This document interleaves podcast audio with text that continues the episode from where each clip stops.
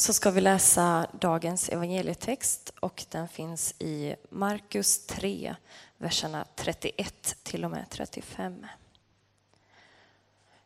Nu kom hans mor och hans bröder. De stannade utanför och skickade bud efter honom. Det satt mycket folk omkring honom och de sa, din mor och dina bröder är här utanför och söker dig. Jesus svarade dem, vem är min mor och mina bröder? Han såg på dem som satt runt omkring honom och sa, det här är min mor och mina bröder. Den som gör Guds vilja är min bror och syster och mor. Så lyder det heliga evangeliet.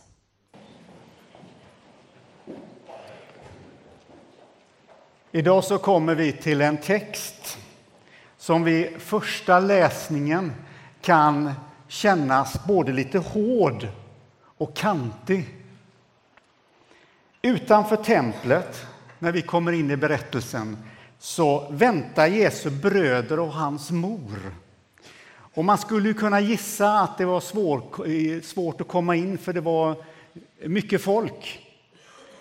Eh, så man skickar in ett meddelande till Jesus som sitter och undervisar folket om livets viktiga grejer.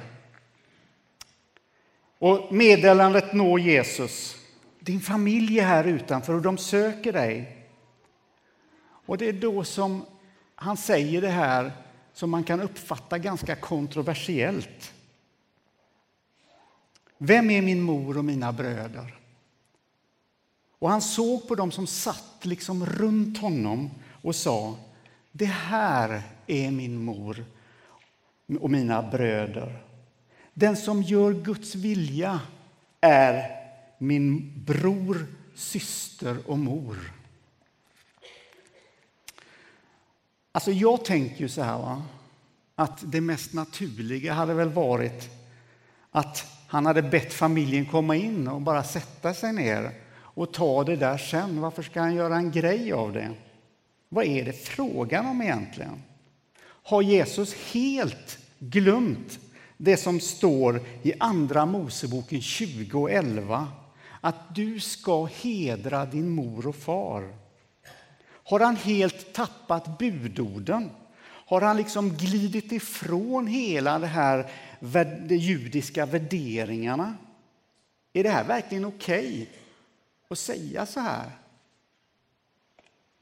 Det har ju gått ett program på SVT som kanske en del av er har sett som hette Den, san, den enda sanna vägen där eh, reporten Anna Lindman har eh, besökt olika det hon klassar som sekter för att liksom, ja, kolla lite djupare in i, i hur de tänker och sådär. Och det har varit scientologerna, Jehovas vittnen, Moonrörelsen, Plymouthbröderna och Livets ord.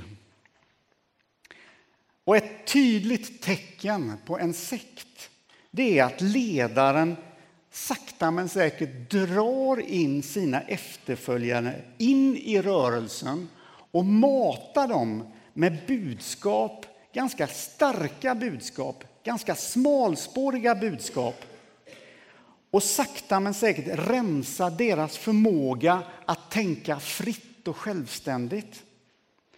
Och så sakta men säkert så klipps banden av till den egna familjen. För de är inte längre viktiga. De står ju liksom i vägen för någonting större och då är det bättre att kontakten bryts.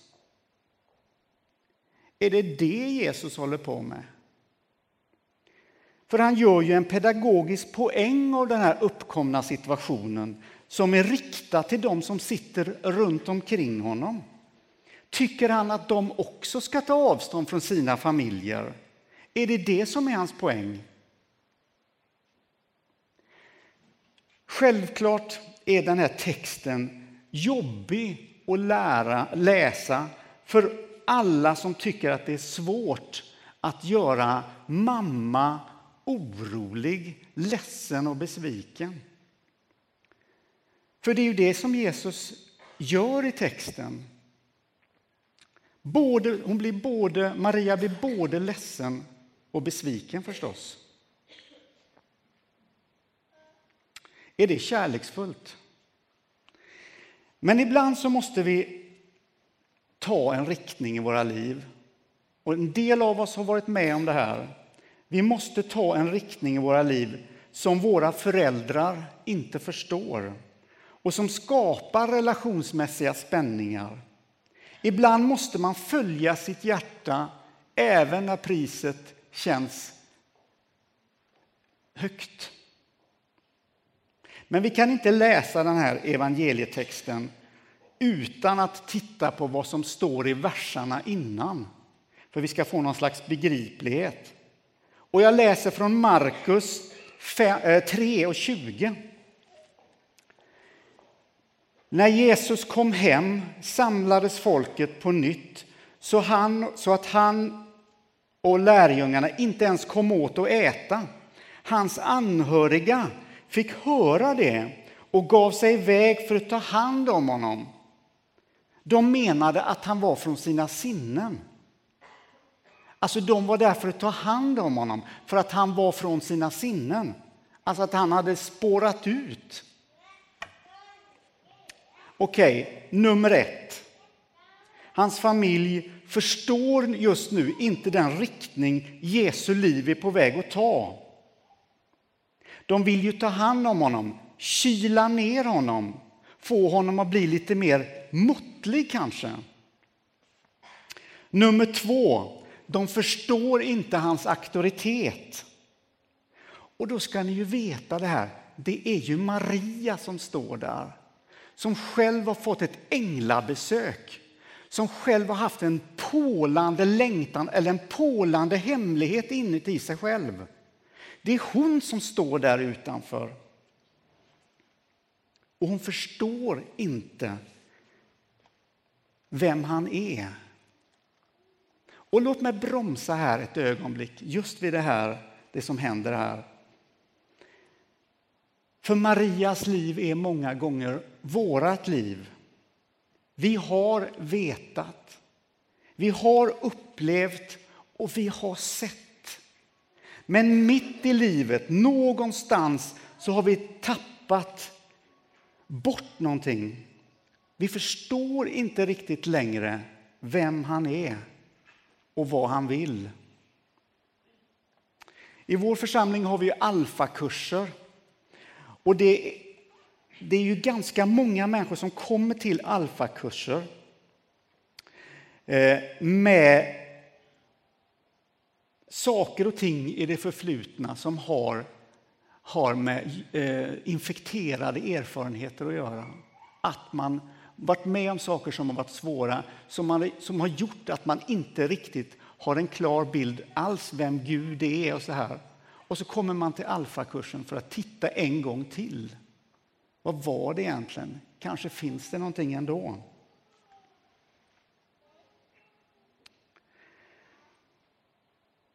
Jesus behövde kanske med de senaste händelserna i fräscht minne avskärma sig något ifrån de här välvilliga ambitionerna som hans familj har.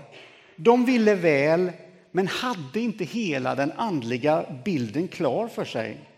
Annat blev det ju senare när eh, både Jesu mor och hans bröder blev en del av urkyrkan och någonstans på poletten hade trillat ner.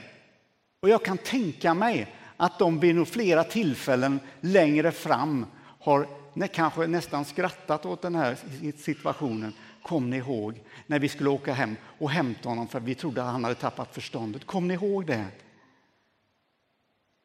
Hur kunde vi?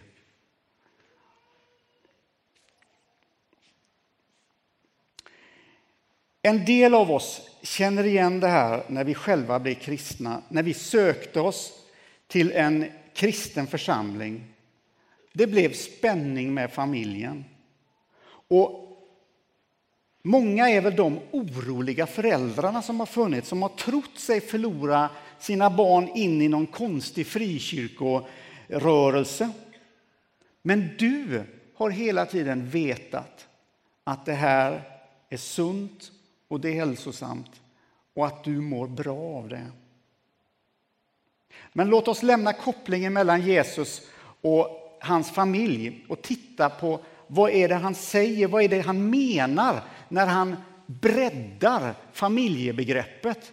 För det är, ju, det är ju det han gör i den här texten. Han breddar familjebegreppet. Han talar om någonting mycket mer, alltså om en universell familj.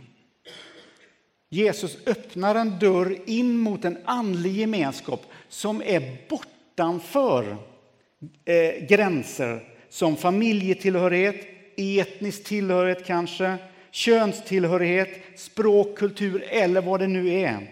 Han öppnar dörren in till Guds familj. Här, i den gemenskapen, här är kärleken den gemensamma nämnaren och inte i första hand likheterna, att vi är likadana. Många föreningar och organisationer i samhället bygger på likhetens princip. Va? Att man tänker likadant, man har kanske samma politiska åsikter, man har samma värderingar. Det som är sammanhållande,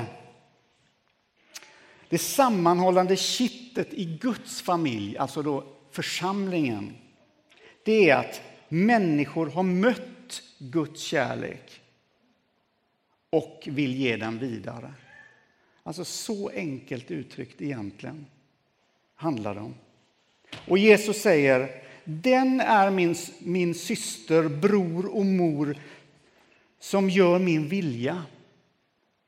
Och att vilja dra sig och söka sig till kärlekens centrum. Det är det som är det fantastiska med en församling, när, när vi hjälper varandra att orientera oss in mot ett centrum. Och Jesus säger, den är min syster och bror som gör min vilja. Så i vår textpassage gör Jesus klart sin egen djupaste tillhörighet. Han pekar ut mötesplatsen där den allra djupaste gemenskapen med människan utspelas. Och det är i församlingen, i Guds familj. Det är där Jesus och hans vänner stämmer möte. Det är i nattvardsbordet, det är i den lilla gemenskapen, i den nära gemenskapen. Det är i sångerna, i lovsångerna. Och jag tänker att den här bilden från templet som, eh, som finns i den här berättelsen med Jesus i mitten och längtande människor, hungriga och nyfikna människor runt om. Det är en fin bild av Guds familj. Och bilden fångar någonting av den djupaste meningen. Att samlas runt Jesus för att få någonting av honom som får oss att växa och som sen får oss att vilja ge det vidare. Var har du din djupaste tillhörighet? Har du fastnat i tröttheten över det som inte fungerar i kyrkan? Håller du dig på en armlängds avstånd för du har svårt att motivera dig till att lägga ditt engagemang i andra människor? Har du kommit till den punkten då du inser att din almanacka inte riktigt rymmer andra människor? Har du kommit till den punkten då du känner att Guds familj är ute efter att ta någonting ifrån dig? Var har du din djupaste tillhörighet? När en familj eller en församling är som bäst så råder det en god balans mellan att få kärlek och ge kärlek vidare.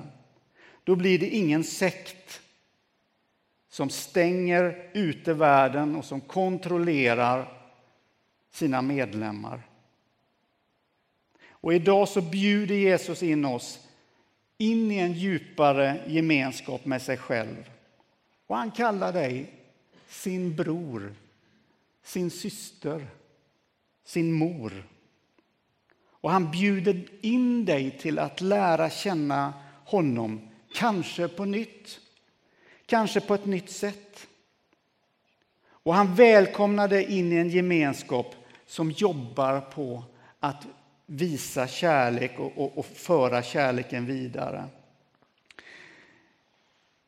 Jesus hade sin tillhörighet till sin församling. Så gör som Jesus, ta församlingen på allvar. Kom in i gemenskapens centrum. Sätt dig vid Jesu fötter. Så lever vi tillsammans och motiverar varandra att ta emot kärlek, för vi behöver kärlek. Församlingen är inte bara ett givande. Vi behöver varandra. Gud har valt eh, det här sättet att stötta och bygga varandra. Så att det blir en bra balans mellan det du får och det du ger. Så inte du hela tiden går på har soppatorsk liksom, i ditt liv.